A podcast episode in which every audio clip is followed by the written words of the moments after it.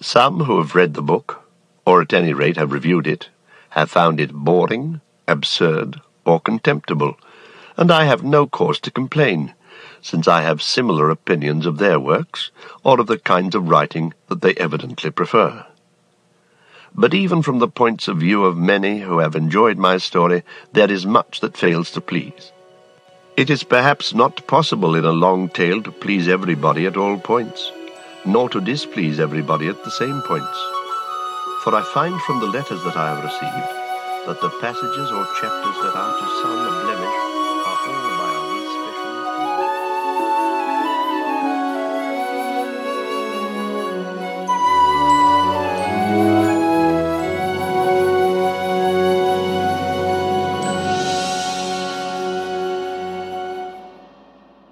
Hej och välkomna till det 54 avsnittet av Tolkienpodden. Och den här gången så ska vi ge oss in på ett ämne som eh, kanske är en liten mörk spegel av vårt första avsnitt kan man säga. Som, som ju heter Varför Tolkien och handlar om varför vi har hängt kvar i det här ämnet så länge. Det här avsnittet heter ju alltså, som ni säkert har sett när ni klickade på det, Varför inte Tolkien? Och bygger på den motsatta idén. Vad stör sig folk på som inte uppskattar Tolkien? Och vilka olika sådana ingångar kan man tänka sig? Så här kommer vi gå i försvarsställning. Precis.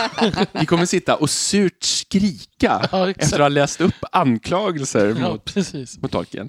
Nej, men ehm, innan, innan vi kommer till det så ska vi presentera oss. Ja. Och som vanligt så görs den här podden alltså av Adam. Elisabeth. Och Daniel! Ja, Ja, Och ehm, innan vi kommer fram dit så har vi ju lite fasta punkter som vanligt. Och den första idag är en nyhet. ja, det har ju kommit en eh, ny bok av Tolkien. Och där kan man ju fråga sig, hur gick det till? Ehm, det, det, det var ju så att eh, Christopher, hans son, då, har ju, gav ju ut tre stycken volymer. Som, ja, det var de sista tre böckerna som han också eh, fick ut innan han gick bort. Och de var ju liksom sammanhållna berättelser, eller åtminstone hade tema av en Mm. sammanhållen berättelse. Fokuserade på en berättelse Ja, men exakt. Mm. Eh, vi var väl, vad ska man säga, vi hade olika uppfattning om de tre olika böckerna, så kan man Mm. säga.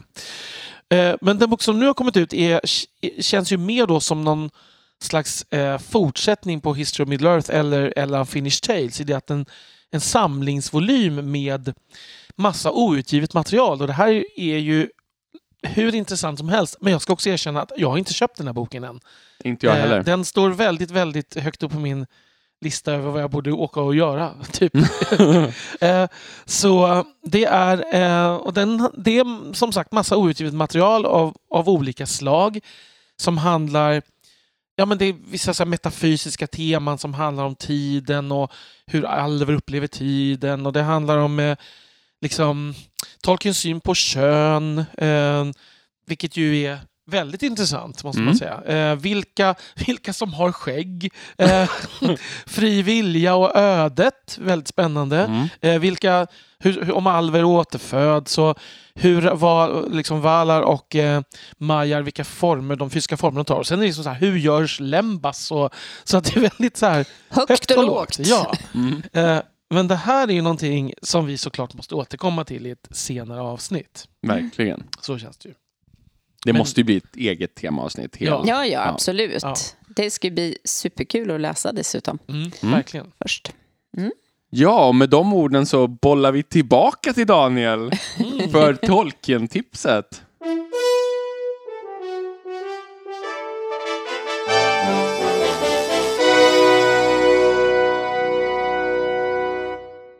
Ja, det är min tur. Och det känns...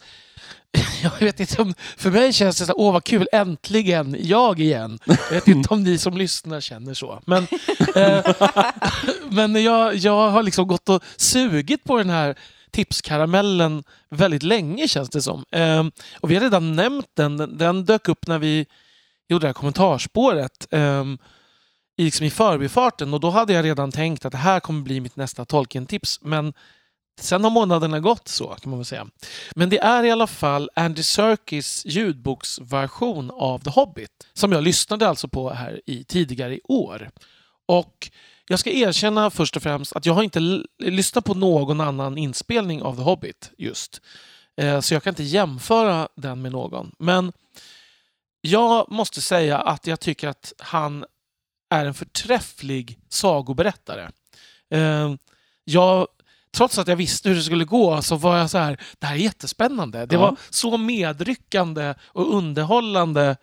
Ehm, och det, det finns en så här berättarglädje i, han är så entusiastisk när han läser. Liksom. Ehm, han, och han, man märker att han liksom är färgad. Vissa, vissa saker, liksom röster och så där han använder är, är ju lite likt som det används i filmerna. Men jag tycker han gör Mm. en intressant Gandalf som inte är så Ian McKellensk faktiskt. Ehm, alla sånger sjungs, sjunger han. Jag vet inte om han hittar på melodierna själv.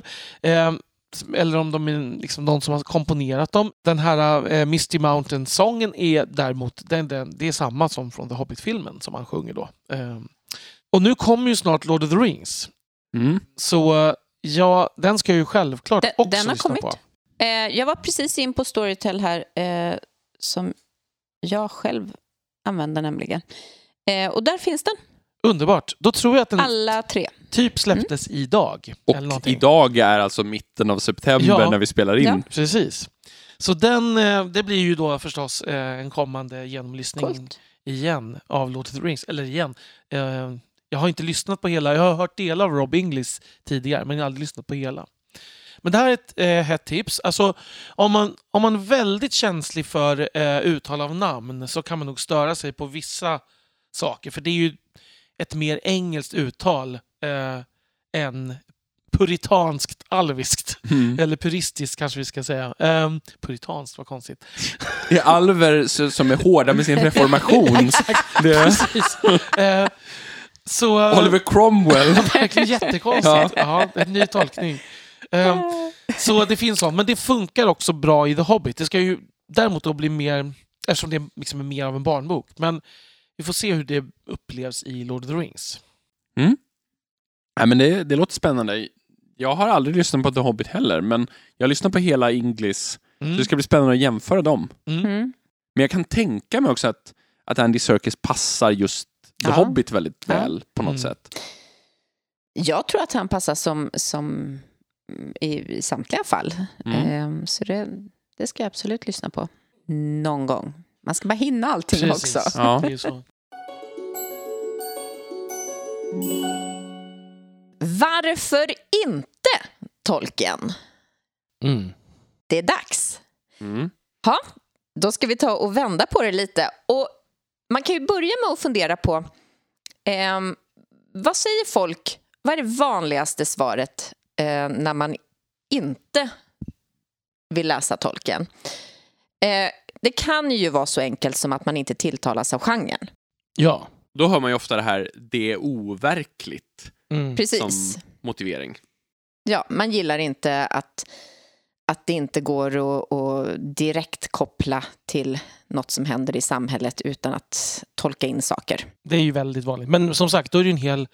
Då är det inte bara en hel genre, utan det är ganska många genrer, besläktade Mm. genrer kanske, som man stryker. Ja, Men visst är det rätt vanligt ändå att man hör det här? Jag, jag gillar bara böcker som, liksom, som jag kan relatera till på ett väldigt direkt plan. Alltså, Mm. Det har vi Ja. diskuterat lite. Det har vi gjort. Och jag, jag, jag tar min syster som exempel. Jag vet inte om jag har gjort det tidigare. Jag brukar göra det när vi pratar i alla fall. eh, hon hon eh, är ju så att, även med filmer, så att hon gillar inte när det är overkligt. Ehm, och det är ju så intressant. Ehm, för jag tror, jag tror att det är så här att, min teori, hon gillade ju saker när det var overkligt när hon var liten.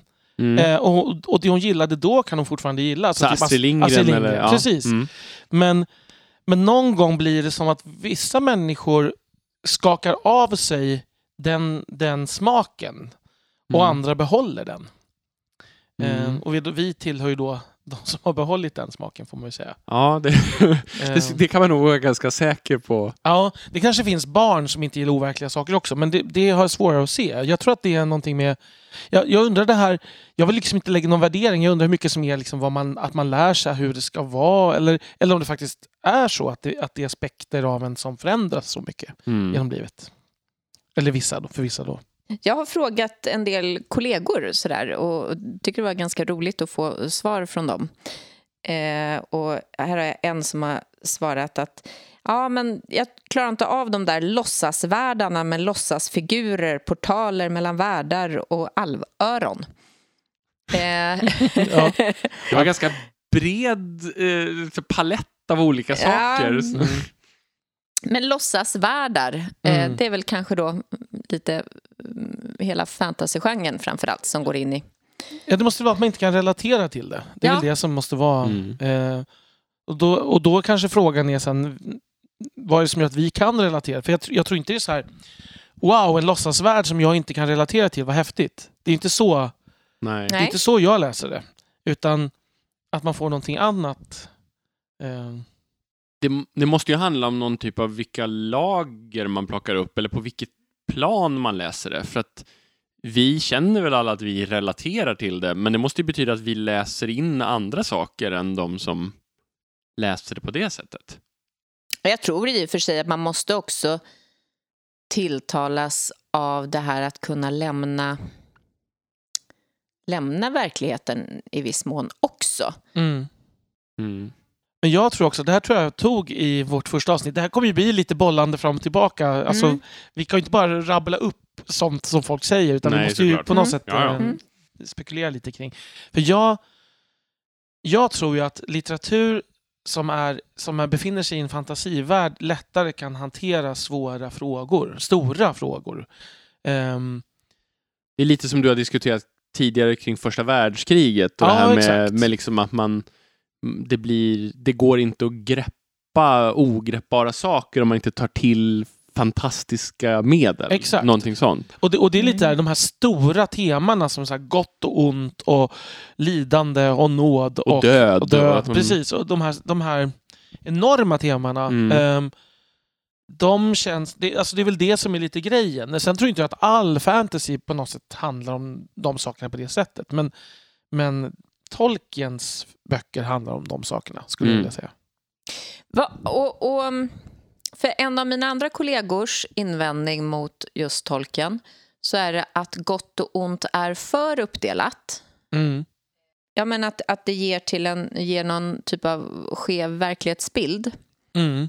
Ja, säger jag kanske delvis och nej också. Jag, jag tyckte det var en ganska intressant kommentar för just för att ja, det är klart att det är gott och ont. Men det är ju jättemycket mellanting på något vis också. Ja, men jag tänker också att det här att just att använda ordet verklighetsbild i det fallet. Jag tycker ju inte att det är en kalkering av verkligheten utan det är en renodling av aspekter av verkligheten. Mm. Så jag, jag tänker att om man vill se det som att så här, så här funkar det inte ute på gatan eller vid min diskbänk. Självklart inte. Men det är inte målet heller. Nej. Nej, jag tror också att det är mer renodlade... Go, det renodlat goda och onda finns ju. Åtminstone. På ett Mm. sätt som inte finns i verkligheten. Alltså det Mm. finns ren ondska, ren godhet. Ja. Men, men, men det finns också, alltså Elisabeth, det finns ju mellanlägen. Alltså vi tar, om vi tar eh, Frodo, vår kära huvudperson. Som visst, han är en god person, men det är ju ändå hur han korrumperas och fördärvas Mm. som är liksom hans resa. Och Mm. Boromir. Ja. Och alltså, jag, jag tycker vi kan plocka upp jättemånga som faktiskt ja. både gör val och ibland väljer rätt och ibland väljer fel och väljer om. Mm. Och sen finns det ju några, kanske ännu mer i Silmarillion, antihjältar som bara väljer fel hela tiden. Och, Ja, precis. Jo, men absolut. Det, det är ju mer, det är ännu mer, ännu mer misslyckade pers personer i Silmarillion, Mm. får man väl ändå säga. Men jag tycker ändå, eh, alltså jag håller ju helt med dig Elisabeth. Jag tycker bara att det de är ju ändå lite arketypiska i sina fall och sina, alltså att det är ju lite som en grås, det är inte en gråskala baserad på 10 000 små, små aspekter, utan det är snarare som att svart och vitt blandas i en, eh, i, i, i en stor liksom, ehm, vad ska man säga, kataklysmisk händelse ofta. Det är lite mer som så här grekiskt drama. Någonting händer och så vänder det. Ja, Sådär. just det, du tänker att det finns två hötappar Ja, men, eh, ja, lite så, hela ja. tiden Mm. och Mm. man väljer det ena eller det andra. Det finns liksom ingen... Man har inte plockat lite av varje och gjort en tredje hög. Som, Nej, precis. Jag, Nej. jag tycker att det, det finns några enstaka, men det är väldigt, väldigt få karaktärer eller rollpersoner hos Tolkien som, som är realistiska på det sättet som jag tror att den här kollegan till dig syftar på. Precis, och då, Mm. nej men det kan jag hålla med om. För att, för det, just också för att det finns ren ondska och ren godhet så tror jag att det är det Tolkien vill skriva om. Vad människor, hur man, alltså, hur man tvingas välja. Alltså, och Tolkien menar nog inte heller att det här är på ett rent realistiskt sätt. Nej. Men däremot är det är det renodlingen då kanske av val som många ändå ställs inför i, i mindre, mindre skala. Mm. Um, alltså när är det värt att offra någonting? För, Mm. alltså, det är mycket, mycket sådana... Och det är återigen, då är det de stora, stora valen. Liksom. Fast då har jag invändning. För, ta Sam. Alla skulle ju säga att han är god, eller hur? Fast han är ju ganska otrevlig mot, mot Gollum. Mm. Det var Eh, faktiskt Sam jag tänkte på när jag sa ganska få. Mm. Det var det, var, var det som poppade upp i mitt Ja. huvud. Mm. Eh, för där har man ju faktiskt en karaktär som ja, men som någonstans har den där blandningen av den tredje Mm. och, och samtidigt har väldigt mycket av det ena. Liksom. Men, men Mm. Ja, för hobbitan är ju ändå mer mänskliga än många av människorna Mm. och alverna och så här. Alltså det är ju lite så ändå att de känns ju som att de bygger mer på personer man kunde möta om man åkte till England. Liksom. Mm. Ehm, men det är klart, det är klart att alltså, det är svårt att tänka att någon Gandalf möter man ju sällan i verkligheten. Men det är ju inte heller poängen med Gandalf. Nej. Nej, men Nej. precis. Och det är väl de där fyra hobbitarna som är psykologiskt realistiska. För även Gollum är ju mer av ett experiment på Ja. något sätt. Men även till exempel Fatty Bolger är ju Mm. som är liksom för feg Ja, för att följa med mm. dem. Mm. Eh, det, det, det säger ju något, om man nu tar parallellt till krig igen. Mm. Det, alltså den, som, de här som, nej men jag vill inte ge mig ut, jag, jag är för rädd för det Mm. här. Sen kanske man tvingas ut ändå. Mm. Ehm, Och han blir ju, han blir ju gerillaledare i slutet av Ja. sitt liv. Så. precis. Eller i slutet av sin ka- bokkarriär Ja. Mm. ja. Eh, nej men alltså, det, så, det, så det är väl, din kollega har ju både rätt och inte rätt samtidigt. Alltså, eller hur? Ja. Ja. Ja. det är intressant. Det kommer bara poppar upp fler och fler saker som de är så här lite både och. Snatta svampar och... Ja. Mm. Ja, men det är väl någonting med det där, vi har ju pratat om det ganska mycket, när de lämnar Fylke och ger sig in i i alltså den stora världen, eller ger Mm. sig ut i den stora världen, så Mm. blir det ju också lite som att mer realistiska 1800-tals eller tidigt 1900-tals rollpersoner som hade kunnat förekomma i andra typer av böcker kastas in i en mycket mer 2D-aktig episk verklighet. Precis. Ja. Mm. Ja. Det är nog i den, vad ska man säga, den krocken som mycket av storheten uppstår tror jag. Mm. Ja, För det verkligen. tillgängliggör en, en typ av material som väldigt många moderna läsare inte kan ta till sig annars. Mm. Och där har vi ju pratat om att det här är ju, det klassiska då är ju att det här saknas i sin Marillion till stor del. Mm. Om vi backar till det här med att fly in i en fantasivärld. Ehm, för det här är ju någonting som Christopher Tolkien pratar om i intervjuer. Att en kritik som kom väldigt tidigt var ju att de här böckerna var eskapism. Mm. Och att det så, såg som något fult. Alltså man flyr undan verkligheten. Just det. Ehm, och då tar ju han det här... Liksom, men, och när man säger då en flykt, varför menar man alltid desertörens flykt från armén istället för fångens flykt från fångenskapen som ju är en ädel flykt? Liksom. Vilket inte är ett hållbart... alltså, den, den liknelsen är inte hållbar längre. Jag skulle säga att för de flesta är den tvärtom, att man kan sympatisera mer med Ja. desertören än fången. Precis. Mm. Men man får tänka ur ett... Eftersom Christopher Tolkien är en 1800-talsperson Ja. som föddes på 1900-talet. Men så, också, ja precis, man tänker upplevelserna från andra världskriget och sådär också. Ja, ja, men exakt. Mm. Eh, men, men, så frågan är ju då, vi säger att den här boken har ingenting att säga om vår verkliga värld, vilket jag absolut inte håller med om. Då är frågan, vad är det som är så fult med att, att lämna verkligheten ett tag? Ja, för mig så är ju det en av det som jag tilltalas av. Eh, Så det är en bra fråga. Men jag tänker att man kan knyta det tillbaks lite till det där som du pratade om din syster. Alltså, Mm. och när vi nämnde med förväntningar och sådär. Känns det inte ofta som att det där med att fult och lämna verkligheten är knutet till någon sorts mer eller mindre oformulerad tanke om att det är lite barnsligare att göra det. Att det, det är Mm. moget att, att läsa sånt som, som, vad ska man säga, processar ens vardagsliv. Medan Mm. det är barnsligt att läsa om sånt som, som inte gör det i lika direkt utsträckning. Ja, eller processar saker som sker, alltså kri- krig i andra delar av världen just nu och sånt. Mm. Alltså, för det är inte ens vardagsliv heller. Nej. Men det läser man kanske inte som eskapism heller på det sättet. Utan Nej. det är för att få en förståelse Mm. av andra människor. Men det skulle ju gå att liksom skildra till exempel det som händer i Afghanistan just nu Mm. i, i ett fantasyraster Mm. Eh, och, och kanske få fram andra aspekter av det som inte går in när vi läser en, en direkt rapport. För Ja, absolut. det går genom någon sorts känslomässiga Mm. portar som är stängda när man bara läser det i sån här statisk form. Men det känns ju Mm. som hela konstens mening. Mm. Alltså generellt, om man bara tänker konst i ett jätteperspektiv. Alltså den är ju, och även då bildkonst och så, jag menar, om, det är ju det, poängen med konst är att den ska, tycker jag, öppna våra sinnen och försöka förklara någonting, men att behöver ju inte alltid göra det direkt. Nej. Eller, ja, nej precis. Och det, det, det är ju samma sak med genrer där. Mm. Att olika bildkonstgenrer Mm. griper sig an och tolkar hur verkligheten fungerar på väldigt olika sätt. Mm, ja, Om man verkligen. jämför en del modern konst med liksom 1800-tals romantik så har man helt andra grundantaganden om hur universum och människan och, och skapandet hänger ihop med varandra. Ja, verkligen.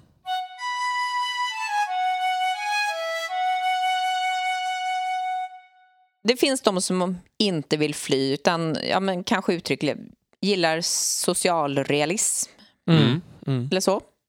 Man ska gärna vara skild och ha ont i magen. Det är viktigt i sådana liksom, rollpersoner som uppskattas då. Ja, Ja. oh, Martin Ja, Beck-karaktärer. Ja, just det. exakt. Mm. Eh, men sen har vi väl har vi kommit till nästa stora invändning mot just tolken specifikt kanske då. Eh, och det är ju omständligt. Eh, ja, lång text med många detaljer och lång vandring. Mm. Eh, De bara går och går. de går och går. Mm. Mm. Det är väl kanske det som, som de flesta säger, eller vad? Ja. Det är min Verkligen. bild. Mm. Ja, det, och det kan ju handla om lite olika saker. Det är inte bara miljöbeskrivningar, även om det ofta är Mm. miljöbeskrivningar som är problemet. Liksom. Jag sa till dig här, Adam, någon gång när vi diskuterade det här att ja, men det är ju lite som att man ser en road movie och stör sig på att de kör hela tiden. alltså för att jag tycker att poängen med den här boken är färden. Mm. Alltså Mm. det... Deras, nu kom det här blir ju den här fåniga då, den inre och den yttre resan och så. Men någonstans är det ju det att de färdas genom ett landskap och det här landskapet öppnar upp sig, som vi nyss var inne också- på, för de här fyra hobbitarna mer och mer. De går ut i en större och större värld. Det börjar liksom med att de är hemma och beskriver i princip hur de går i vanliga normala skogar och ängar och sådär. Och sen blir det bara mer och mer episka landskap som Mm. de hamnar i. Nog finns det mål och mening med vår färd men det är vägen som är mödan värd. Precis. Eller för att citera Robert Broberg. Målet är ingenting. Okej, jag föredrar Karin Boye. Ja, okej. Ja, jag, jag är på Elisabeths sida här. Ja. Speciellt om man tar andra frasen. Vägen är alla, la, la, la, la, la. Ja. Ja. Ehm, Hur går man vidare därifrån? ja, ja. Ehm, Jo, det, nej, det går inte. Det var, nej, där pikade vi. nu, där tog avsnittet slut. Ja. Men jag tänker... eh, ja, Jag ska försöka få Robert Broberg ur huvudet här och komma tillbaka till Elisabeths spår här. Ehm, eller den kopplingen som du gjorde till det Daniel sa. Att, att jag tänker att ehm, visst blir det också någonting av att själva kampen och, och motsättningen det onda och goda skulle inte gå att bygga upp till så stora proportioner om själva vägen var kortare. Mm. Känner jag på något sätt att det ligger i någonting med att själva längden bidrar till att det känns som att mycket står på spel och att jag tror att det är svårare att liksom och faktiskt skapa den typen av vad ska man, kan man säga på svenska, investering i, Mm. i historien Jag förstår. utan att ta tid på sig med den. Ja. Mm. Men, men det, det funderade jag på, att kan det inte vara lite grann så här också, att en del som läser Tolkien och liksom har kommit in i Tolkien från annan fantasy, en del så här 80-tals fantasy som är Mm. lite mer spänningslitteratur och mer lättillgängligt. Raymond D. Feist, David Eddings, den typen av Mm. böcker. Det är lite mer så här pang på rödbetan och motsvarigheten till mm, så här James Bond i, i fantasy... Eller Dan Brown. vi Ja, men precis. Ja. Alltså i fantasy-skepnad. Ja. Och om man då förväntar sig det, då är ju det här otroligt trögt. Jo, men så är det ju. Absolut. Men, ja, men här får man kanske skilja på två saker ändå. Jag tror att den här kritiken är egentligen två olika saker. Det ena är ju hur att han har ett väldigt omständligt språk. ehm, som är arkaiskt ofta och, och svårt att förstå. Alltså mycket gamla ord och sådär. Men det är inte det man menar i de här miljöbeskrivningarna tror jag. För läser man miljöbeskrivningarna och när de går och går och traskar och traskar, det är ju inte så svårt att förstå. Det är ju inte svårläst på det sättet. Det är ju helt vanlig modern engelska. Ja, men det, det är nog inte det jag syftar på heller riktigt, utan jag menar att i många av de här böckerna så är det ju så att man klipper mellan Ja, actionscenerna och Absolut. det händer ingenting emellan, ungefär som du Ja, sa Ja, men tidigare. exakt. Men jag tror att det är... Men jag tror själva den här kritiken mot tolken är egentligen två olika. mm. De Eh, liksom tvinnas samman lite Ja, grann. exakt. Ja, för att en del fastnar väl säkert också för att de kanske inte är, alltså kanske inte har så stor läsvana. Jag skulle inte sätta eh, Concerning Hobbits eh, Du menar att det är inte är superlättillgängligt? Nej, men inte, eh, det är lite kanske svårt att ta sig in från början om man inte har en läsvana. Men de jag har pratat med framför allt, de är ju lärare i svenska Mm. ehm, och har ju läst kanske mer än många. Mm. Så jag tänker att i, i det här fallet så är det inte det det handlar om utan det är väl just ja men på något vis att man in, verkligen inte tilltalas av mm, de här detaljerna Mm. som är. Ja, för att många kritiserar ju, det här är kanske en tredje aspekt till och med, de här, det här först, de här första kapitlen som ju inte är någon resa eller någonting. Det, man är ju bara i Hobbiton Mm. hur länge som helst ju.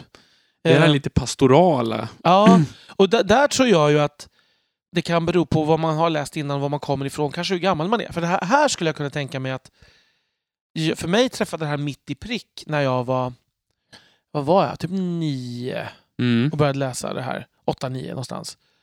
För att det var precis påmind om så mycket annat jag hade läst. Det här liksom puttrigt småborgerliga, det kommer en trollkarl på besök och, och, och fyrar av fyrverkerier och så börjar man prata om något, något mystiskt som håller på att hända. Mm. Alltså det är ju... Det, det är precis, för mig var det helt rätt ingång. Jag tyckte inte det var svårt alls. Jag tyckte ju sen att det blev svårare vartefter. Eh, medan många, men det tror jag för att var för, på grund av åldern då. hade, jag tror att många nu som börjar läsa i vuxen ålder tycker att det här vill man ju komma förbi. För det här är ju bara liksom, Mm. kanske man speciellt om man har sett filmen också och tänker det här tar ju, går ju fort i filmen. Mm. Man är Ja, det är ju ett gäng kapitel som är helt borta Ja, i precis. filmversionen. Men då måste jag fråga, för jag började ju läsa mm, senare, jag var ju äldre. Mm. Eh, men som nioåring, läste du om tobaksbladen och eh, alltihopa och tyckte fortfarande att det var intressant? Jag tror jag läste det, men jag tänkte snarare på sen, för det är inte bara det som folk invänder emot, utan det är ju även det som de kommande 200 sidorna eller något sånt där. Ja, just Eller det. 100 sidorna. Mm. Men det är Eh, många som aldrig kommer till dem nej. eftersom de fastnar på... Så är det ju. Eh, Jag tror att jag läste det där och tyckte, eh, lite konstigt men spännande. Eller liksom, vad är det här Mm. för kon- Alltså att det var en, ett annorlunda grepp. Men sen kände mig ju helt hemma i, när liksom, när typ Olmarks, när hans nåd Bilbo Bagger av Baggers hus tillkännagav att han skulle... Alltså, Mm. Mm. mm, där är jag redan in, med i gamet. Liksom. Mm. Mm. Ehm, Jag måste ju, jag bara ser framför mig hur Daniel, nio år, tänker åh, vilket annorlunda grepp. Jag tror inte jag tänkte... ja, så så det, det är nog en, en vuxen översättning av vad jag tänkte. Ja. skulle jag tro. Jag, jag, minns fakt- jag minns faktiskt inte riktigt hur jag reagerade på just det. Va? Ja, nej, det är konstigt. Men jag minns att jag, det, det som kom sen tyckte jag var väldigt spännande. Mm. Eh, men det var ju här, jag menar, herr Bilbo Bagger till Baggers hus är ju inte så långt ifrån herr Padda av Paddeborg. Liksom. Nej. Ehm, Men jag vet att, jag, om, om jag minns rätt så läste min pappa Bilbo för mig när jag var sju. Och sen Mm. så började vi liksom kombinationsläsa Sagan om ringen när jag var åtta. Så att han läste på kvällarna och jag var otålig och läste vidare på dagarna. Och, sen så. Mm. och han hade ju läst den någon gång förut så han hade ju någorlunda koll. Men jag har ganska svaga minnen av de här kapitlen också. Alltså jag minns inte riktigt vad jag tänkte om dem. Jag und- ja, så jag undrar hur det är. Men, men sen så tror jag också att, precis som du säger Daniel, att det är kanske var man kommer ifrån. För om du kom från Det susar i säven och sånt, mm. så kommer jag från sådär Ivanhoe och Robin Hood och allt det där. Och det, det finns ju ändå ganska snabbt så börjar Mm. man komma till gemensamt ordförråd och Mm, lite av den äventyrstonen. Mm. Och det var lätt att ta till sig tyckte jag. Mm. Jag hade ju samma ingång där som du, snarare Adam. Mm. Eh, med ja, hela, hela äventyrsgenren. Mm. En för alla, alla för en. Mm. Ja men precis. Och, ja, men jag läste jättemycket sånt där. Myteriet Mm. på Bounty och eh, Skattkammarön och allt Mm, sånt där. Ja, För mig blir det kanske snarare åt andra hållet då. det var, du gick Mm. vidare dit. Ja, snarare faktiskt. Mm. Men, men jag tänker på det här med språket. Om vi nu ska, för, för jag känner att jag var ju ändå inne på att det kanske är flera olika aspekter man pratar om. Men jag tror att det här arkaiska är en av olika slag, arkaiska språket. Det tror jag är en, en svår tröskel för många. Men det, det dröjer ju lite innan det kommer, å andra sidan. Mm. Ehm, men det, och det finns ju på olika plan som sagt. Det ena, alltså det här fornengelska arkaiska finns ju, men det finns Mm. ju också ett, nästan här och där lite bibliskt, särskilt liksom skapelsemyten i, i Silmarillion. Mm. Alltså där, om man börjar, om man inte har läst Lord of the Rings eller The Hobbit och börjar läsa Aino Lindale och börjar Ja. in the beginning, liksom, man bara, vad är, då, då måste ju det vara helt obegripligt. Vem har skrivit om Bibeln? Liksom. Mm. Ehm, alltså, och det är verkligen King James Bible. Det är Mm. liksom, Så att, och, så att det finns, där finns det ju trösklar tror jag. Så, som, och de kan jag förstå på, på ett annat sätt. Kanske för att jag också kan upplevt dem mer. Mm. Men jag vill bara komma med ett inspel här som jag bara kom att tänka på här. Mm, Och det, mm. har, det finns ju en livaktig genre runt Tolkiens tid och till och med lite tidigare som, som går lite mer på det där spåret. Eh, Lord Dunsany, delar av det Lovecraft skriver. Alltså det, det här lite drömska och hitta på nonsensnamn och liksom det är ju som Silmarillion fast mindre sammanhängande. Mm. Det finns någon, någon det, måste, det finns ju någon sån tråd i tiden där också som kanske har dött ut senare. Som, jag förstår att de aspekterna eh, blir, det blir bara Bibeln som blir referensram till den typen av text, tänker Mm. jag. Ja, och sen är den ju... Men, men, skillnad, men grejen är också är ju att Silmarillion är, är ju Bibeln. Alltså i början. Ja, mer konkret. Först, ja, mm. precis. Första kapitlen åtminstone Ja. är ju det. Liksom, när man börjar prata om jordens skapelse och, och, liksom, Mm. och, och den högsta guden och allting som alltså Mm. skapar världen. Det, Ja, precis. ehm, Och det fick ju Tolkien själv, eh, alltså det fick ju, Tolkien själv funderade ju lite på det ganska mycket. Att ja. det här, kommer det här verkligen gå att ge ut? Mm. Ja, just det. Utan att det blir någon typ av reaktion också från två håll då. Ja, Mm. precis. Alltså dels från de som kommer tycka det är för tråkigt Mm. och dels, och det var ju en del präster som hörde av sig kring redan Lord of the Rings Mm. och ifrågasatte från det andra hållet. Mm. Men där märker man ju liksom ibland att jag menar, en del av dialogen i Lord of the Rings, när den är som mest arkaisk, är ju väldigt svår att, att läsa för en modern skådespelare så att det liksom funkar i, i kontexten. Liksom. Mm. Eh, det är som att den nästan måste läsas alltså på ett annat sätt. Eh, och det blir ju, och här har vi det här, liksom, för om vi nu ska, jag ska bli lite personlig. Alltså jag kan ju tycka att, jag, jag tänker så här, Tolkien, det här med att Silmarillion aldrig blev klar.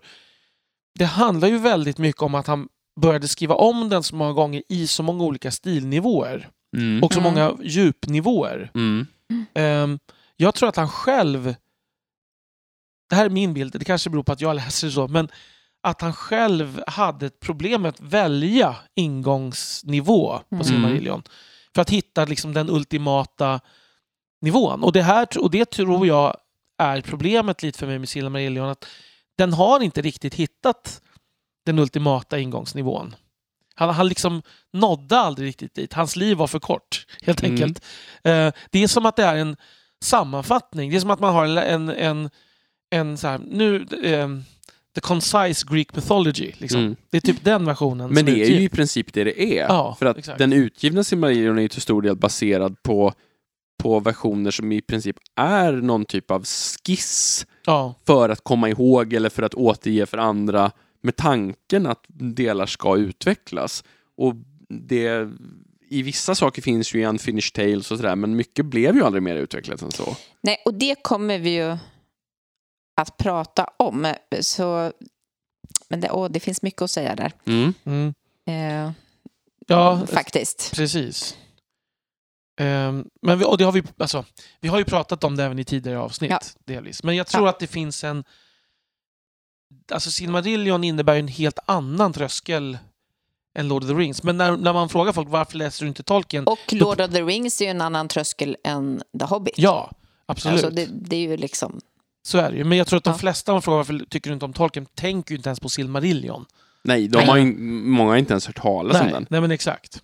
Ehm, för mig är det ju så att Lord of the Rings är en... Där det är ju en fullträff för att han, han lyckas använda båda tonlägena, eller, eller många fler tonlägen, Mm. har vi pratat om också, i, genom hela boken och det känns organiskt.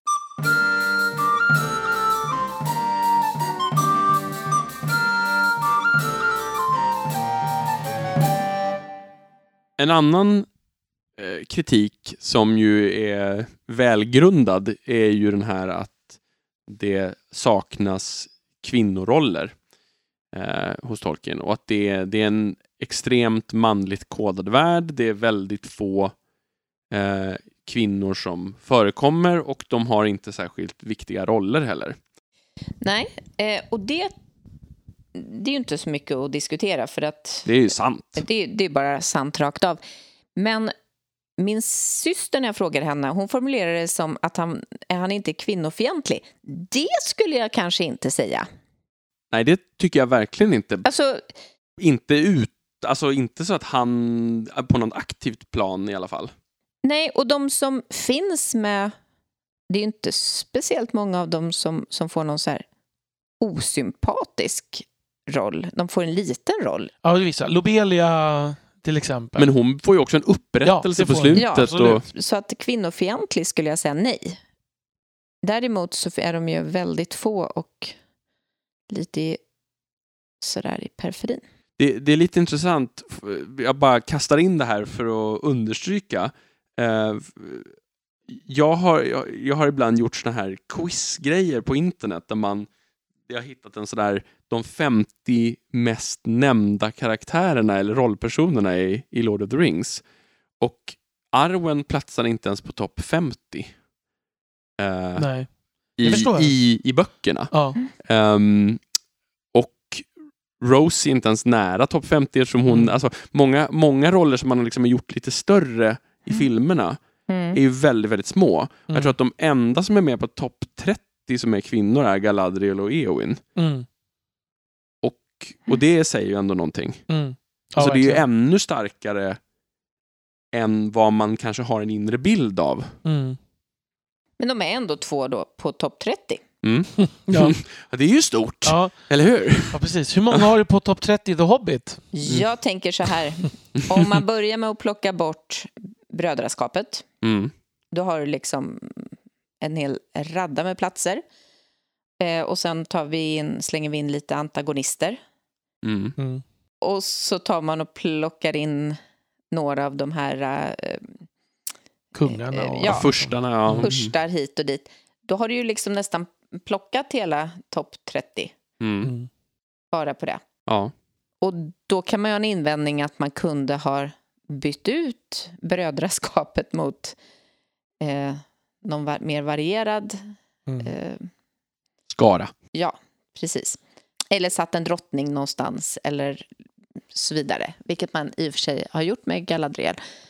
Men jag, jag, jag tycker, alltså det låter ju konstigt att jag inte tycker att, att det är helt orimligt.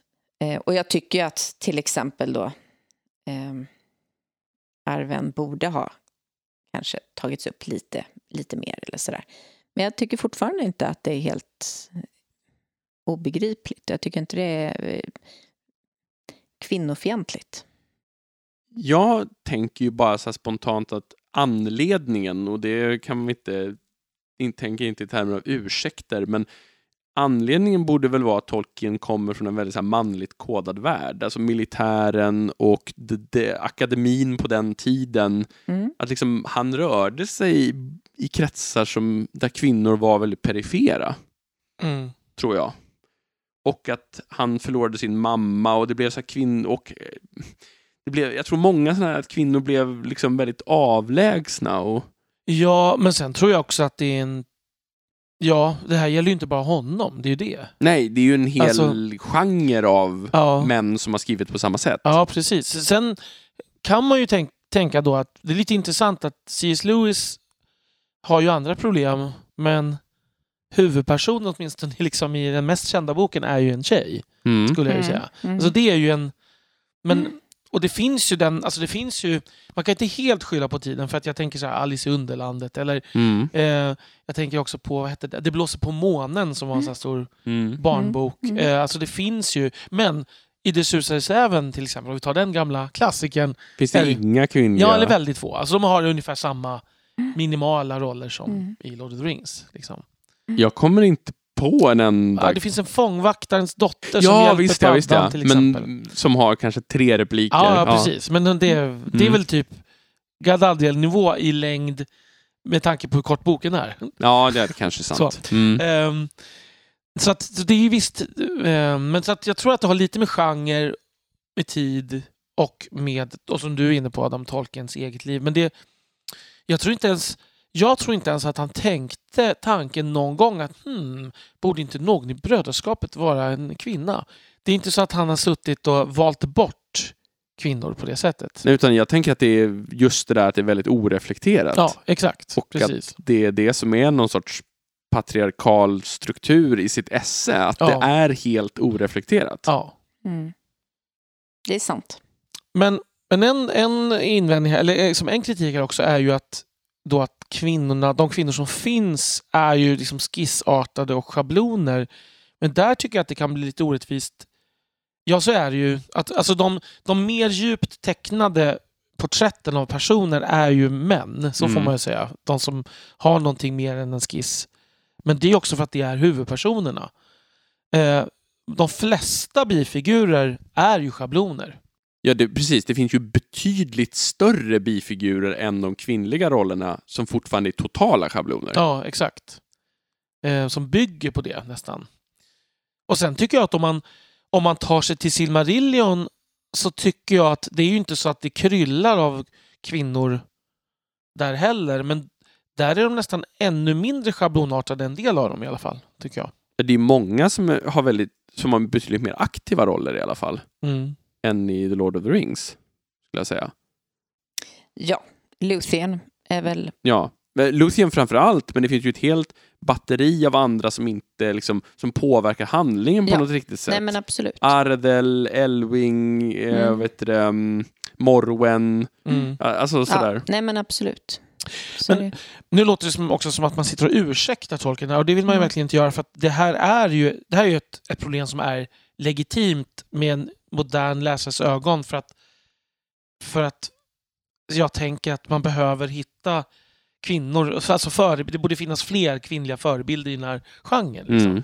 Ehm, så det är inte en ursäkt överhuvudtaget. Ehm, det, det, det stämmer ju. Liksom, att, Det gör det ju. Ja. Men det är ju det här med liksom hur man ska läsa böcker i sin tid eller hur man ska tolka dem i vår tid. mm, Och, och man får väl kompromissa mellan de två. Man kan ju konstatera det här men också förstå vad det beror på Mm. samtidigt. Och det där är en ganska intressant tanke tycker jag. För att om man... Det har ju, om man jämför då med Astrid Lindgren som har uttryckt vissa eh, saker i framförallt Pippi, tror jag det som har blivit ifrågasatta och där hennes, eh, ja, hennes släkt eh, har varit väldigt tydliga och sagt att men plocka bort de här formuleringarna. Hon skulle aldrig ha velat någonsin att det skulle eh, funnits med idag om hon utifrån det samhälle och hur man uttrycker sig och den medvetenhet man har kring eh, olika saker idag jämfört med när det här skrevs. mm, Det hade inte varit en diskussion liksom för henne för hon står emot all form av rasism till exempel. Då. Ehm, jag vet inte hur, hur man, om det finns samma så här, självklarhet kring... Jag tänker att det inte är, det går att jämföra på det sättet. För jag skulle säga att Astrid Lindgren var ju otroligt mycket mer progressiv Ja. i sin syn på samhället än Tolkien på alla plan. mm, Alltså Tolkien hade ju varit stockkonservativ även idag. mm. Det är jag helt övertygad om. Någonstans så tänker jag också det. Ehm, även om han kanske liksom mm, ja, hade ganska tydliga eh, ås... Eller, eller liksom... Jag, tänker, jag skulle mycket väl kunna tänka mig att han skulle ha fört in fler kvinnor. Det tror jag absolut också. Men jag, han, han hade inte varit någon sån här cutting edge, eh, Verkligen inte. progressiv Nej. röst. Nej. Nej, nej, precis. Det, det är svårt att jämföra dem på det sättet såklart. Men Mm. Ja, och vem vet hur han skulle ha varit om han hade levt. Alltså han hade ju inte skrivit det här. Nej, han hade liksom. ju inte varit sig själv då Nej, heller. nej, Man är ju precis. en produkt av. Mm. av sitt liv. Och då kommer, har vi ju just den här med rasismen.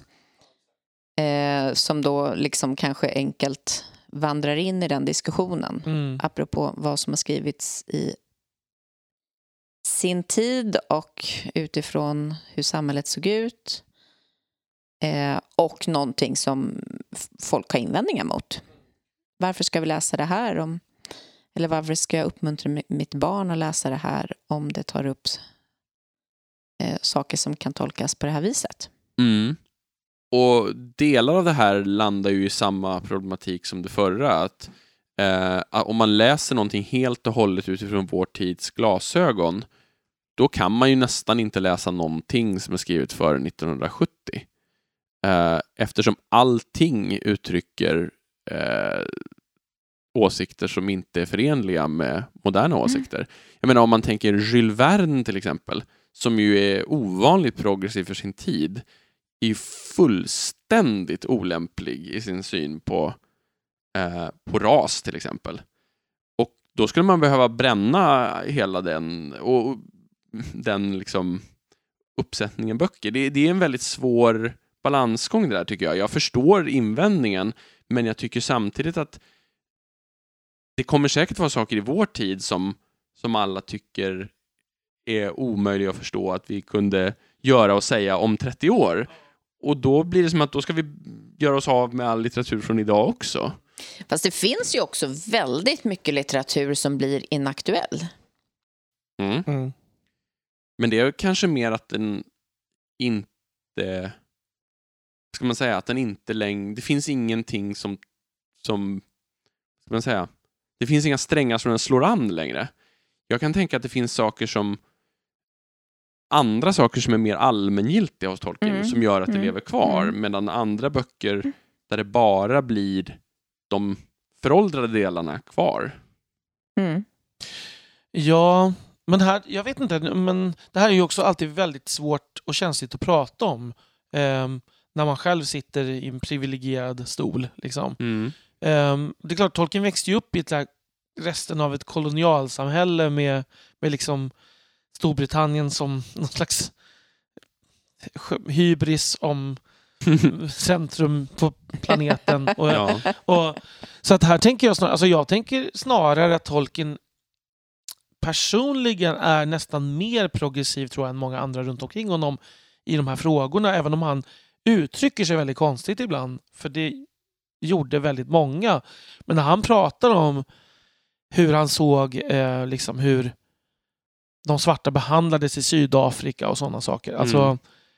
Det är ju modernare åsikter tror jag än väldigt många Mm. av andra runt omkring honom hade haft. Mm.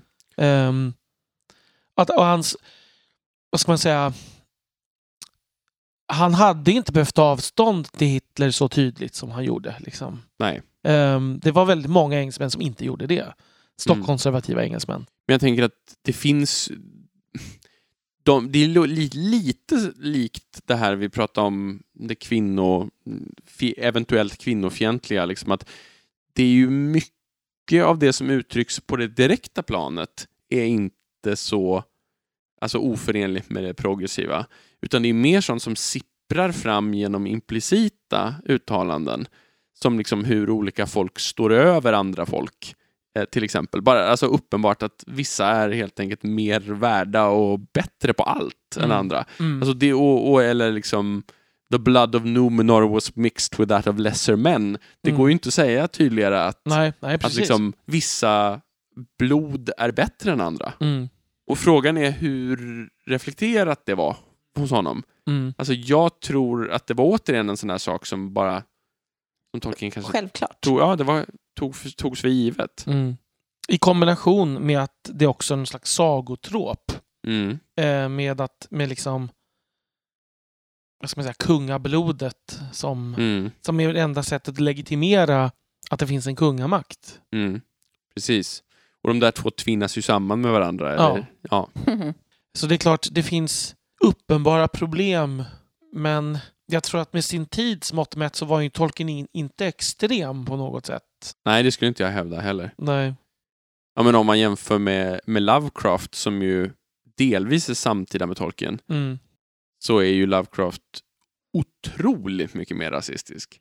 Och han är ju liksom kontroversiell till och med i sin tid Mm. på det sättet. Ja, Medan. Tolkien befinner sig mer i en mittfåra skulle jag hävda. Mm. Mm. Mm. Så frågan är, försvarar vi eh, tolken lite mycket nu? Eller vad? Jag vet inte om jag tycker att det är försvar när man försöker kontextualisera någonting. Jag tycker problemen kvarstår och finns ju där. Och jag Mm. kan förstå att man väljer bort böckerna beroende på vilket sätt man har att tänka på den här typen av frågor. Mm. Jag kan absolut förstå att man väljer bort böckerna eller att man inte promotar böckerna till sina barn om det inte är så att man hjälper dem att hitta kontext. Mm. Det vill säga att man ehm, ja, men pratar om när saker skrevs och sammanhang och ehm, kring just sådana här frågor som, som kan dyka upp. För då, då är de ju gam, alltså, då är det ju värderingar som hintas om som inte känns jätterätt. Men jag tror också så här att någonstans drar man ju en gräns för... Alltså jag, jag är ju inte sån att jag till 100% kan skilja på verk och person. Liksom. Um, det ska jag erkänna att jag inte så, står inte över vad ska man säga, mina känslor på det sättet. Alltså, skulle det komma fram typ att, jag menar som, som Wagner till exempel skrev ju långa texter om hur, för, för hur skadligt det judiska inflytandet var i, i musiken. Liksom. Hur, att, de inte, att de judiska tonsättarna kunde inte skapa äkta känslor utan var som skator liksom, som stal. Mm. Liksom. Skulle, man, skulle Tolkien ha svarat något sånt på det här brevet om eh, det här om han var jude eller inte? Liksom, att, Ja, från, från Nazityskland. Ja, precis. Mm. Eh, om han hade skrivit jag, vill skriva att jag tror inte att judar är kapabla att... att alltså, Mm. han hade uttryckt sådana åsikter. Eller, Mm. liksom, eller likadant om det här den, situationen i Sydafrika. Så tror jag ju inte att jag hade... Då hade jag känt det här är nog... Det här kan jag inte riktigt stå för att jag läser. Mm. Så att det finns... Jag drar ändå gränsen. och Där, kanske, där drar man ju gränsen på olika tillfällen, tror jag. Och jag tror att man viktar på olika sätt med, ett- med ett gäng olika, Mm. eh, vad ska man säga, med ett gäng olika måttstockar. Mm. Ehm, men, ja. Jag har lättare att ö, ha överseende med, så att säga, oacceptabla åsikter ju äldre de är, Mm. skulle jag hävda.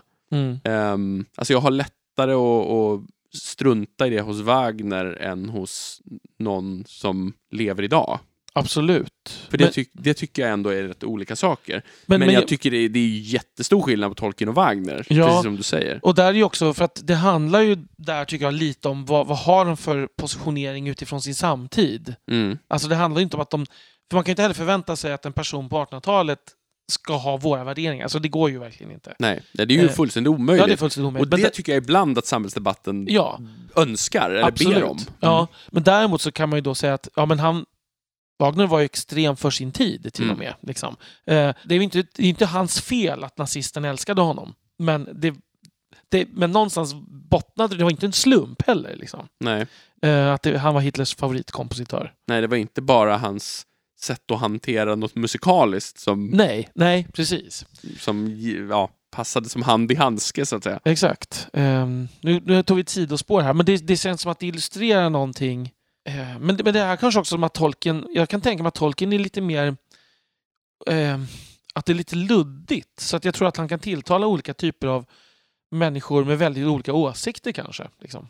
Alltså det, han fick ju ett stort uppsving i liksom hippierörelsen och studentrörelserna Mm, sådär i, på 60 och 70-talen. mm, Och det är ju inte rörelser som var präglade av liksom stockkonservatism och, nej, inte och direkt. nej, i första hand om man Nej. säger så. Nej. så att, och, och där kan det väl kanske finnas miljöaspekten kommer in Mm. lite grann. Mm, ja, verkligen. ehm, som ju sticker ut lite grann ändå. Ja, det får man säga.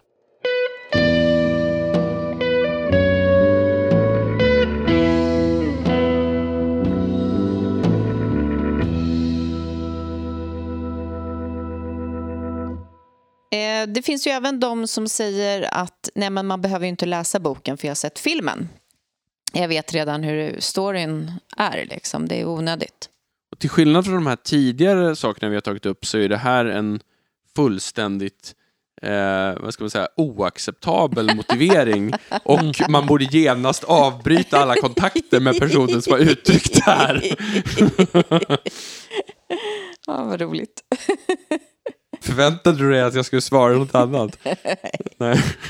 Men återigen, det här är inte, behöver inte nödvändigtvis vara specifikt för tolken, tänker jag. För, Nej. att, för tänker man så generellt om böcker och filmer så, så är man ju inte värd... Nej, jag skojar.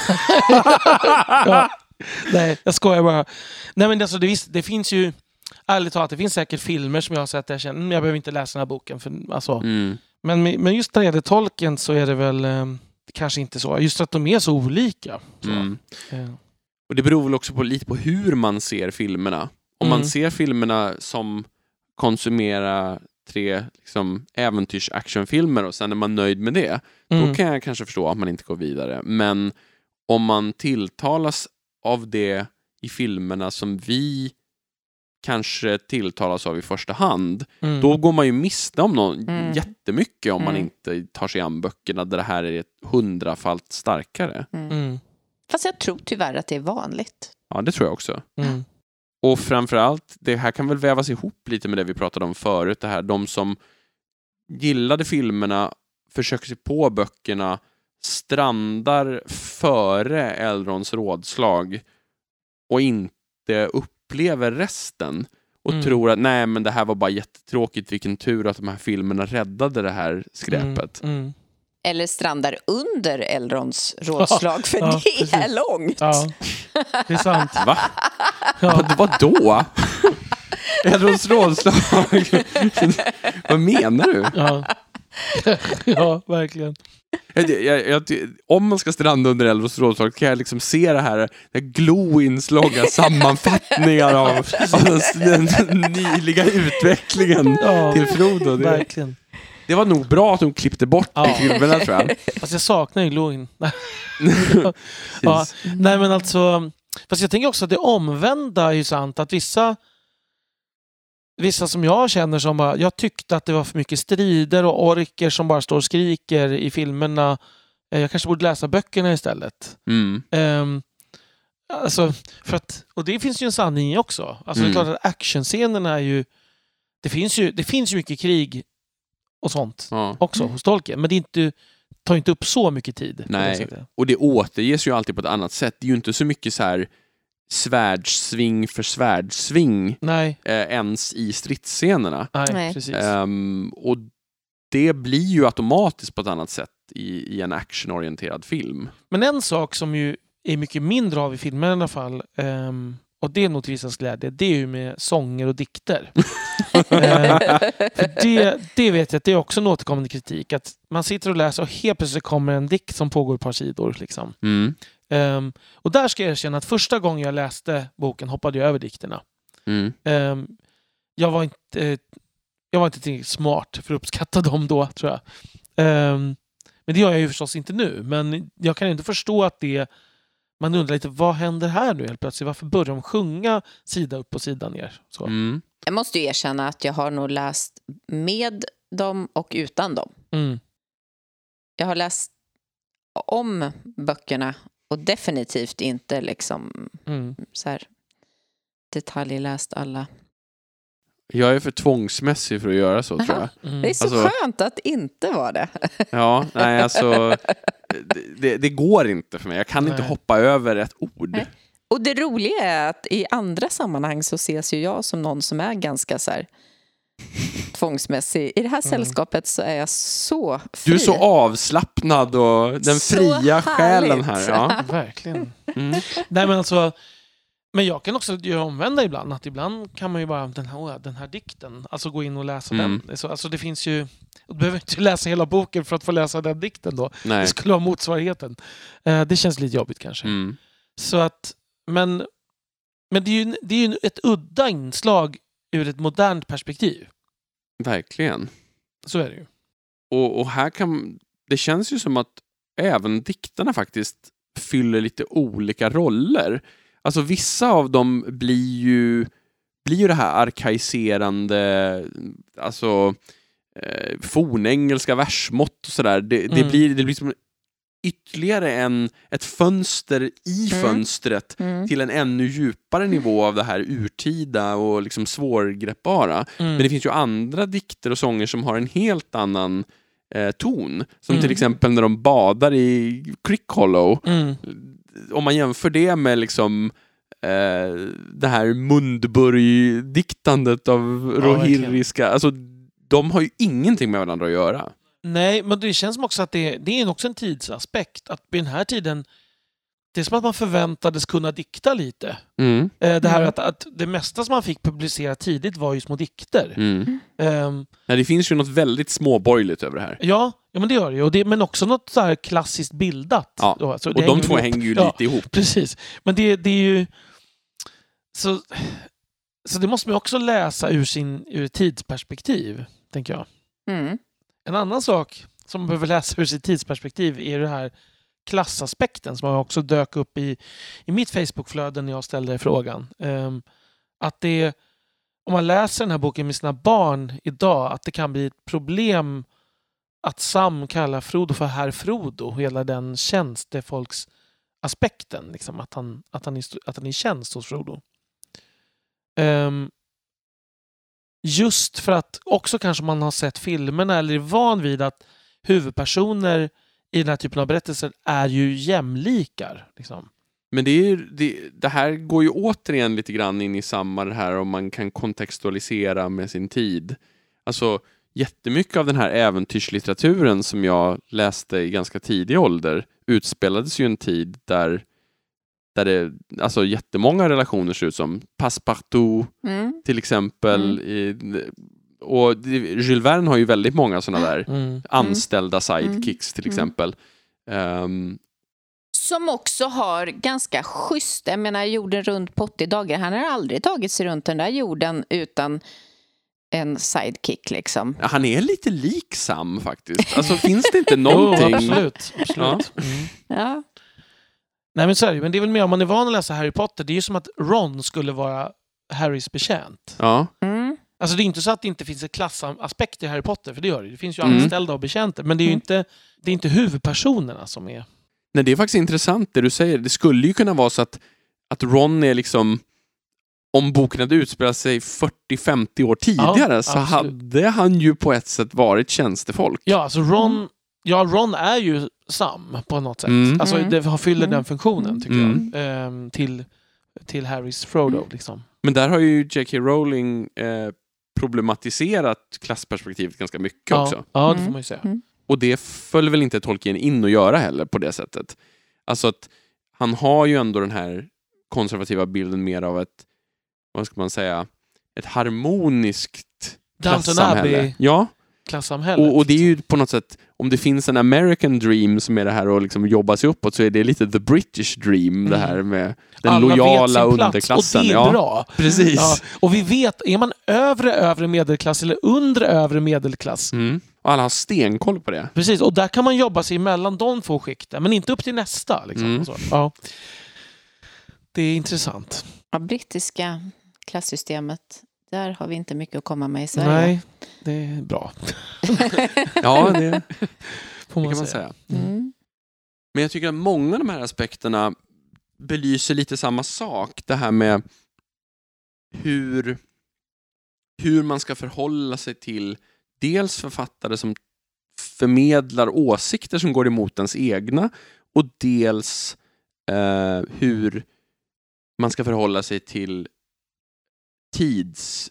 Eh, vad heter det? Tidstecken. Markörer nästan. Ja, tidsmarkörer Mm. som är väldigt föråldrade. Mm. För, för många av de här sakerna, alltså de tre, fyra senaste sakerna vi har tagit upp, Mm. handlar ju i princip om det. Mm. Mm. Hur förhåller man sig till det? Och var drar man gränsen?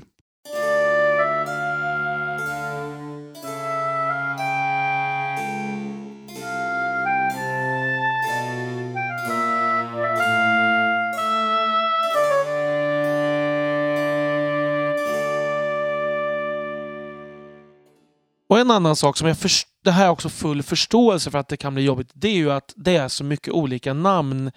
Och inte nog med det, utan samma person har ju ofta väldigt, väldigt många olika namn. Alltså tänk på hur många namn Aragorn har till exempel, Mm. eh, som dyker upp. Eh, så att här blir det ju, vad ska man säga, om man då dessutom lägger till att de här namnen är på ett språk, eller på olika språk, som är påhittade.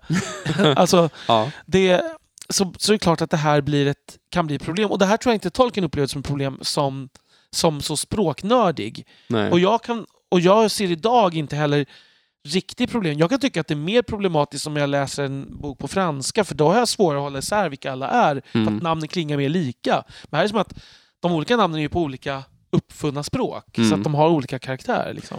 Jag tycker att den man brukar jämföra med det är Dostojevskij. Ja, Där, det. där det brukar vara väldigt, och dels och att alla har fyra namn, att de Ja. har ett förnamn och ett smeknamn och ett patronymikon och ett efternamn och att de varierar lite mellan dem sådär. Jag har ju en stor invändning faktiskt när det Mm. handlar om namn. Och det är ju precis tvärtom. Det är ju inte att, att liksom eh, Aragorn heter för många olika saker utan det är ju att samma namn tilldelas flera personer. Så det kan finnas någon i Silmarillion som heter en sak och sen Mm. så kommer det en annan senare som heter samma sak. Det är som det här med svenska kungar som heter Karl och Gustav. Ja, men hemskt irriterande. Ja, det är ju väldigt orealistiskt. Nej, jag har inte sagt att det behöver nej, vara realistiskt eller orealistiskt. Mm. Men det irriterar, för det, det tycker jag faktiskt stör min läsning. Mm. Mm, fast det är ju väldigt, väldigt, väldigt få karaktärer eller rollpersoner där den andra inte är en otroligt liten biperson. Det, fin- det finns väl kanske två exempel där, där båda rollerna är lite större. I de allra flesta fall så är det någon, någon som i princip nämns i en namnlista någonstans och en jättestor, viktig person. Mm. Kanske. För jag kan inte komma på en, så många fall där det är sådär den ena har 95% av spotlighten och den andra har, det finns det en mening om i Silmarillion. Det finns väl fler i, eh, också i Silmarillion till som sen dyker upp igen liksom. Mm. Och sen är det det här med att namn låter lika. För det var ju det här med Sauron och Saruman till exempel. Som ju, där de ändrade i Bakshi, det har vi pratat om. Bakshis Mm. filmatisering från Sauron och så Aruman då istället för Saruman. Fast Ja, men inte de säger. Saruman ibland. Ja, och det är ju väldigt störande. Jättekonstigt. Men det här är ju inte heller något som hade ens slagit tolken. För han hade liksom minst men det här är ju två helt olika språk. Det ser man ju. liksom, Mm. Sauron och Saruman är ju inte alls lika. Det, och, jag, och jag förstår det, för jag kan förstå att Saruman, ja det låter ju ändå som att det är någon slags germanskt, alltså det finns, men Mm. Sauron låter inte alls germanskt. Liksom. Det är ju Men, det, men det är ju på en väldigt nördig nivå. Mm, och man hör ju fortfarande ganska många säga Sauroman, Ja, ja precis. tycker jag. Exakt. Så att det, ja. Och Så- blanda ihop dem dessutom. Mm. Ehm, så att visst finns det svårigheter och trösklar. Liksom. Men det är ju också för att det är något främmande man möter. För att har man figurer i en annan bok som heter Kjell Knutsson och, och Lena Andersson eh, och liksom, och, till, och till slut bara, vänta, vem var den här Lena Andersson? Det fanns ju en Katja Andersson. Alltså, Mm. Det kan ju bli minst lika jobbigt, tycker jag. Mm. Nej men så är det ju. Och det där går väl tillbaka mm, delvis på, på Tolkiens språkintresse som du säger, men också lite grann på sånt här som den bibliska inspirationen. Absolut. Att det finns en massa sådana här namnlistor och icke-förklarade personer på det sättet. Så jag tänker att det, det är nog delvis ändå för att få till en viss Mm. tonträff också. Alla heter Maria. Ja. ja, det är sant. Men det, jag tänker också det här att rabbla upp ah, vad son av ger ju något väldigt Mm. så här Mm, ålderdomligt och för att skapa den här känslan av så här germanskt stamsamhälle nästan. Ja, om vi ska bli lite mer personliga då? Det är svårt att säga varför man inte skulle. Det finns ju de här namnen, ja, det stör lite grann. Kvinnorna och rasismen, ja, också för min del något som kanske, eh, ja, framförallt kanske de här eh, bitarna som, som måste le, eh, läsas i kontext som skulle kunna skava eventuellt om jag börjar läsa om dem nu för första gången. Men det är väldigt svårt tycker jag. Alltså jag har några saker som jag jag hatar egentligen tolken. Nej. Eh, alltså, nej men det, Det är breaking news här efter verkligen. 54 avsnitt. Alltså det finns några ställen där jag tycker den här kajserande stilen blir... Det, det, och det är det Erik Andersson, då, som nyöversatte Lord of the Rings, det han kallar för den patetiska stilen, som är så svår att översätta för att den inte finns på svenska liksom, Mm. längre, eh, efter modernismen. Ehm, det, är när tolken blir, när han går loss ibland på and low, för då är det inte Jag gillar när han är så här arkaiserande på det här lite mer germanska sättet. När det liksom blir allitteration och de här, liksom, alltså Mm. ni förstår, ehm, Mm. tror jag, Rohan, Mm. Rohan eh, ar, arka, de arkaismerna, eller Mm. vad man kan säga.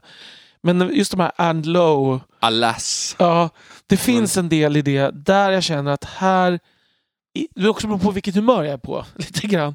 Men att det, jag kan också finna att alltså det kan bli att det slår över till det patetiska åt andra hållet lite. Ibland för mig. Det här känner ju inte jag igen mig men det är för att jag alltid är på and low humör. Ja, exakt. Så tror jag. Eh, och- och jag tror att det är för att jag kopplar det så fruktansvärt mycket till, till bi, bibelspråk och salmer och det, och, och det funkar ju där, men det, det blir någonting... Ja, jag vet inte. Det, mm, ett stilbrott nästan för mig, eh, konstigt nog. Jag, jag har en passage faktiskt som jag måste vara på rätt humör för att läsa. Annars Mm. så vill jag nog bara bläddra förbi. Ehm, och det är ju delen av boken där det liksom bara man följer Frodo, Sam och, och Gollum och den där never-ending vandringen där. Mm, det är min favoritdel. Vad roligt. Ja. Eller ja, en av dem. Ja, nej men för den kan jag... Den, den måste jag vara på rätt humör. Mm. Och då kan jag uppskatta den jättemycket. Men är jag på fel humör, då... då svårt att läsa. Mm. Och jag har ju större problem på andra sidan floden. I så fall. Alltså inte för att jag hoppar över, men vi har ju pratat om förut att jag Mm. tycker hela det här Past of the Dead är lite... Känns malplacé, liksom. Mm. till exempel. Eh, och en del av... Eh, vad ska man säga? Alltså jag vet inte. Ja. Men, men, och sen är mitt andra problem är ju Silmarillion att det, det, jag tycker inte den är lika bra. Det, det måste jag ändå tillstå. Um, den är det ibland. Men det är det här som jag sa redan tidigare att det finns, alltså ingången är lite fel. Det känns som att man aldrig fick den ultimata versionen.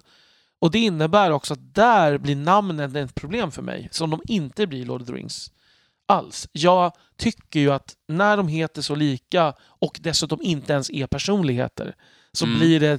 Jag, har, jag tycker att fortfarande det är svårt att hålla isär vilka alla Fingon och Turgon och Fingolfin och Finarfin ehm, liksom, för att de heter i princip samma sak och är bara, de är schabloner om något. Liksom. Mm. Det här känner ju inte jag igen mig i alls. Nej, det, så det har det vi pratat vet om. jag. Ja. Och, och jag tror att det handlar om att jag är liksom historieintresserad på ett, på ett sånt plan också. Mm. Och intresserad av en period i första hand Mm. där man inte har så mycket mer info än det här. Alltså många gånger. Man vet inte så mycket mer än det Nej, som precis. vi får i Silmarillion. Så jag tror att, och jag tror att jag kanske läser in andra saker utifrån det. Mm. Ehm, om jag stör mig någonstans så är det nog faktiskt på hobbitar ibland. Alltså när det blir för puttrigt. Det är för, alltså så här, för, för, för mig så är det verkligen så att jag förstår hobbitarnas roll, men när det blir för uppenbart att det skaver mot det medeltida omvärlden, alltså sk- skarven blir orealistiskt stor Mm. då och då, då måste jag liksom blunda för det lite grann. Mm. Eh, så där är vi, och det där är ju helt motsatta ingångar. Ja, precis. Mm. Men jag kan också förstå att jag kan tänka så här, jag kan förstå när hobbitarna, tolken själv blir lite irriterad på dem ibland. Mm. Ja, är det för mycket hobbitprat? Liksom. Mm.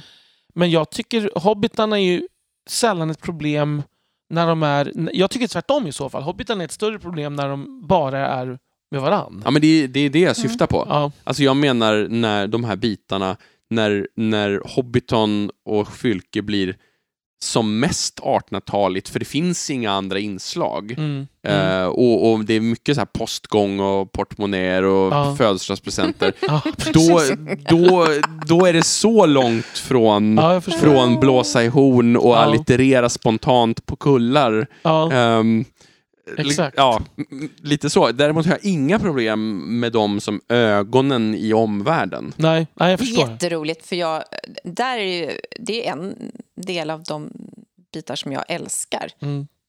Mm. Jag tycker charmfaktorn är hög, Alltså, jag ju säga att kan man säga. med tanke på att det här är min absoluta favoritförfattare Ja. så är det inte som att jag sågar det här längs Nej, fotknölarna. nej. Men om det är någonting som jag inte känner att jag liksom Mm. går igång på så är det ju definitivt hobbitar. Men, och grejen är att det är ju samma med mig med Fingon och Turgon. Alltså, Mm. det är inte Ja. så att, alltså, återigen, det är samma här. Tolkien är ju en, är min absoluta favoritförfattare. Så det är klart att det är på en... Ska man Det är en säga? hög lägstanivå. Ja, det är det ju. Men det, men det är ju det jag menar. Att jag, jag tror ju att det hade, han, hade han levt 200 år till hade han ju fått till sin Marillion så att jag hade blivit helt nöjd. Mm. Han hade Och- inte blivit det själv. Nej, han blir ju... jag Men det var, jag tror att han- hade kanske fått en, en deadline. Att du måste bli klar. Ja. Som, som det var med Lord of the Rings. Fast Mm. inte för att han höll den. Men, Nej. men ändå, den, den skulle ut. Liksom. Kanske det som hade varit bättre, för jag tänker att utvecklingen under de sista åren snarare liksom Gick åt fel håll. Ja, när han Mm. blir väldigt liksom, sentimental och börjar Mm. ursäkta alla och göra... Ja, och även bara liksom prokrastinera genom att börja spekulera i, i ja, men det vi kommer få läsa i den här The Nature of Middle-earth. Liksom Mm. prata om hmm, hur gjorde man Lembas egentligen? Mm. Eh, hur stor var egentligen den- en Eored? Och, alltså, det är klart, det är, ja, och grejen är att det här är superintressant och det är det, är det här som ger det här enorma djupet bland Mm. annat. Eh, men tänk om man hade skrivit klart berättelsen Unfinished Tales som vi kommer komma in på en annan gång till det här eh, om två år när han kommer till Gondolin. Tänk om den versionen hade blivit färdig. Liksom. Mm. Vad mycket bättre det hade varit. Absolut. Vi börjar låta som, som om vi sitter och pratar om Song of Ice and Fire här. Ja, ja Tänk precis. om den någonsin hade blivit klar. Ja. Mm. Ja. Ehm, men, men jag bara tänkte en, en aspekt som en invändning som dök upp som jag tyckte var väldigt fint sagd, men jag vet inte, men jag tycker att, jag vet inte som jag förstår den 100% men det var en kritik var att det här är sagor om sagor. Och det, jag tolkar det som att det här är en berättelse där som handlar om berättelser som är äldre än den här berättelsen. Mm. Så tolkar jag det lite grann. Och det är ju å andra sidan, för mig är det ju en styrka i det här. För mig är det kanske den största styrkan. För det är ungefär det jag tror jag menar när jag säger mytisk resonansbotten, som jag Mm. säger var tredje avsnitt ungefär. Precis. Fast det var Eh, länge sedan nu tror jag. Ja, men, Ja. men jag sa det väldigt mycket i de första Ja, avsnitten ja, tror jag. Men, men, men alltså, den grejen, det här att Tolkien liksom gör någon sorts metaversion av ett nordeuropeiskt kulturarv och liksom använder sig av sin gigantiska kunskap om det och kanaliserar in det i någon sorts, um, ska man säga, eh, koncentrerad form Mm. det, det är kanske den allra största ehm, det, det, det allra största styrkan för mig. Och det kanske är hans, alltså i min värld också, hans största genialiska ådra. Mm. Att han lyckas med det. Mm. Men jag tycker det här gäller även på mindre, lägre nivåer, alltså om vi pratar hobbitarna. Att han skapar ju någon slags historia även på, på den nivån. Liksom. Ehm, alltså, det är inte bara som att han skapar en mytologisk resonansbotten, utan han skapar en historisk resonansbotten också. Så det vi egentligen säger är att han har fel. Absolut. De som tycker så I det här här. fallet. Nej, Ja. man får tycka som man vill. Nej, men jag tänker, det, det stäm- stämmer ju att det är sagor om sagor, Ja. Mm. men... Och det är styrkan. Mm. Ja, men precis. Jag, jag, kan, jag kan bara mena liksom att jag kan inte förstå, men jag tror vi kanske återvänder lite där till den allra första början, där vi började där. Jag kan inte förstå hur det är en svaghet, men om man har den här diskbänksingången som vi pratade om i början av avsnittet, då kan jag förstå att det här är, vad är det här för navelskåderi Mm. egentligen? Verkligen. Och vi måste ju ändå säga att det här avsnittet blev ju ett försvarstal till väldigt stor del, måste jag ju... Men det hade varit väldigt konstigt annars. Alltså Ja. jag tänker så här, vi kan ju inte låtsas som att vi helt och hållet håller med om all kritik eller tycker att den gör tolken icke värd att läsa, för då hade vi aldrig gjort den här podden. Nej, det är helt sant. Precis. Och, och vi behöver inte heller låtsas som att vi tycker att allt är perfekt heller. Nej. Eh, för ingenting är någonsin perfekt. Perfektion är någonting som inte existerar. Och ganska Mm. ointressant. Ja. Mm. Och det kanske är så vi slutar helt enkelt. Ja, Det var ganska bra slutord. ja verkligen. Bra Mm. jobbat. De klingar från härifrån till evigheten, eller vad det han säger i Gladiator. Ja. What you do in life echo Echoes in eternity, ja, just det. Precis. Det är bra. Det är, det är snyggt. Så läskiga filmer har inte jag sett. Det, är, det borde du göra. Den är bra. Mm. Du får spola alla våldsscener, så då, då, då är du nog klar på 40 minuter. Mm. Jag eh, eh, såg inte någon krigsscen när vi tittade på Braveheart. Jag tror jag såg 15 minuter totalt sett. Ja. Ja. Och för er som undrar mer just om det här med alla dessa detaljer som Tolkien höll på att nörda ner sig i slutet av sitt liv kan vi avslöja att nästa avsnitt kommer vi att ägna åt Unfinished Tales, alltså sagor från Midgård som ju är precis det till väldigt stor del. Ehm, och även lite inblick i hur kunde Silmarillion ha blivit om Tolkien hade levt 200 till år till. Det blir roligt. Det blir det. Ja. Jag tycker man kan höra redan i det här avsnittet att vi är lite där i tankeprocessen. Mm. Att vi håller på och jobbar oss mot det avsnittet. Så det ska bli kul att få djupdyka. Mm, Ja. Verkligen. Och bra att vi har lite tid för jag behöver mm, hinna läsa. Tack så mycket för att ni har lyssnat då. Om ni har tankar eller idéer eller vill ifrågasätta eller lägga till någonting eller vad det nu kan vara. Ja, alltså, verkligen. Så här, är det, vad, är det, vad finns det för aspekter som ni inte gillar hos Tolkien? Mm. Eh, om det finns. Precis, eller, eller om ni, har tyck, ni tänker att vi ser annorlunda än ni på någon av de aspekter som vi tog upp. Mm. eh, hör gärna av er. Ni kan mejla till tolkienpodden gmail.com eller skriva på Facebook, Tolkienpodden, eller till och med på Twitter, Tolkienpodden. Då återstår det inte och så mycket mer än att vi ska säga farväl, helt enkelt. Namarie. Hej då! Hej då! Hej hej!